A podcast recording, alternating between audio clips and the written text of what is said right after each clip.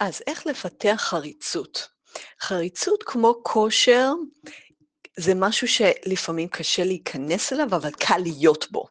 זה כמו גלים בים, כשאתם נכנסים לים, ואולי הים, יש גלים גבוהים, בהתחלה הם מתנפצים לכם על הראש, וזו טריטוריה לא נעימה, לא נעים, לא נעים להיות על קו הגלים, אבל אם אתם יכולים לעבור את זה, ויש דרכים לעבור את הגלים, אפשר לצלול מתחת, אז אתם מגיעים למקום שהוא כן נעים. הגלים פשוט מעלים ומורידים אתכם, אפשר uh, לטבול שם, אפשר לשחות שם, אם יש לכם משקפת. זה מקום מאוד נעים להיות בו. אז יש הבדל מאוד גדול בין הכניסה לבין להיות שם. אותו דבר עם כושר, שאתם רק נכנסים לזה, זה כמו להילחם בגוף. הגוף לא רוצה, הגוף במקום כבד, איפה שאתם עכשיו.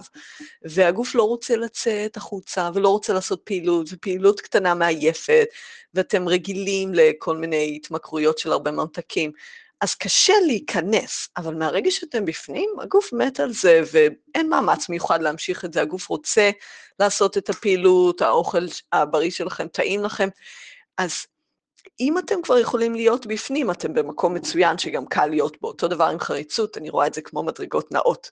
אם אתם כבר שם בהרגלי עבודה טובים, קל להישאר שם, אתם עומדים על המדרגות והן פשוט עולות, זה לא מאמץ מיוחד להישאר שם. אז איך אפשר לפתח חריצות? אז יש לי חמישה עקרונות.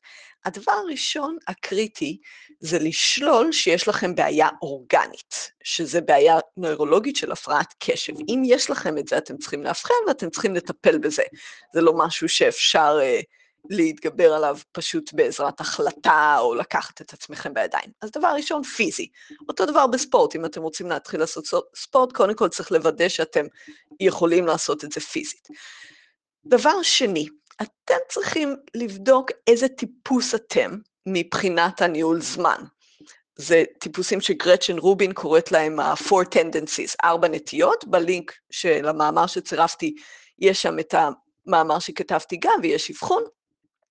כי יש טיפוס מסוים, קוראת להם obligers, שזה מעל 40 אחוז מהאנשים לפי הסטטיסטיקה שלה, שאתם נענים לציפיות חיצוניות, אתם עושים מה שאחרים צריכים מכם ומבקשים מכם, ואם אתם במצב הזה, זה הטיפוס שלכם, אתם חייבים מסגרת, נקודה. אתם לא יכולים לנהל את עצמכם הכל לבד, זה לא יעבוד, חבל לדפוק את הראש בקיר הזה שנים, אלא אתם צריכים לפעול בתוך מסגרת. בתוך מסגרת אתם אחלה. כשצריכים ממכם ודורשים ממכם עבודה טובה, אתם עושים עבודה מצוינת ואתם, זהו, אתם חרוצים. זה דבר שני. דבר שלישי, תצטרכו למצוא דרך לצאת מהרגלים התמכרותיים. מי שחרוץ לא יכול להיות מכור כל הזמן לבזבוזי זמן. זה אותו דבר שמי שאנרגטי ובכושר ובריא, לא יכול להיות מכור כל הזמן לממתקים, זה לא הולך ביחד. אז אתם צריכים למצוא משהו שעובד לכם, איך לצאת מההתמכרויות האלה. יש הרבה דרכים, אתם תצטרכו למצוא אחת שעובדת עבורכם. דבר רביעי, אנחנו מאוד מושפעים מהסביבה שלנו. אז אם אתם מוקפים באנשים שסך הכל זו תרבות עצלנית, שכל הזמן הפנוי הוא מוקדש לסדרות או שופינג או דברים כאלה, אז אתם, אתם נשאבים לזה. אתם חלק מזה. אז ג'ים רון אומר שמשפט צד בוטה, אתם הממוצע של חמשת האנשים שאתם מבלים הכי הרבה זמן איתם. אז אתם צריכים למצוא דרך להקיף את עצמכם גם באנשים שהם חרוצים. או אנשים שהם בכושר, אם זה מה שאתם רוצים להיות. אז אמ, זה יכול להיעשות למשל בצורה וירטואלית, בקהילות בפייסבוק, או איזה שהם אתרים שאתם גולשים בהם, זה יכול להיות עם אנשים מסוימים כן בחיים, לפגוש אותם יותר, זה יכול להיות כמובן עם קואוצ'ינג.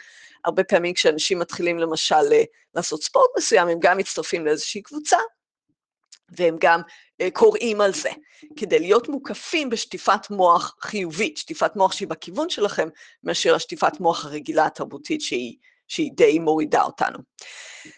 אחרון, אמ, קשור לחריצות, זה שלושה פרמטרים של מלקולם גלדוול, מהי עבודה שיכולה להצליח, שיכולה לקדם בן אדם וגם יכולה לקדם קבוצה. אז יותר על זה במאמר שצירפתי, אבל סך הכל יש לו שלושה פרמטרים. אחד זה אוטונומיה, שאתם שולטים במה שאתם עושים ובסוג המשימות. השני זה מורכבות, שהמשימות שאתם עושים, הן מפתחות אתכם, הן מאתגרות אתכם, הן בונות כישורים. ושלישי, זה שיש קשר בין פעולה לתוצאה. כלומר, הפעולות שלכם משפיעות על המציאות. וזה יכול להתקדם, זה יכול להצליח. אז אלו הפרמטרים שלו, ואפשר לבדוק את העבודה שלכם אם היא כזו. זהו ממני להיום, זה מורחב יותר במאמר, ואפשר כמובן לדבר איתי, זאת סלי תדמור.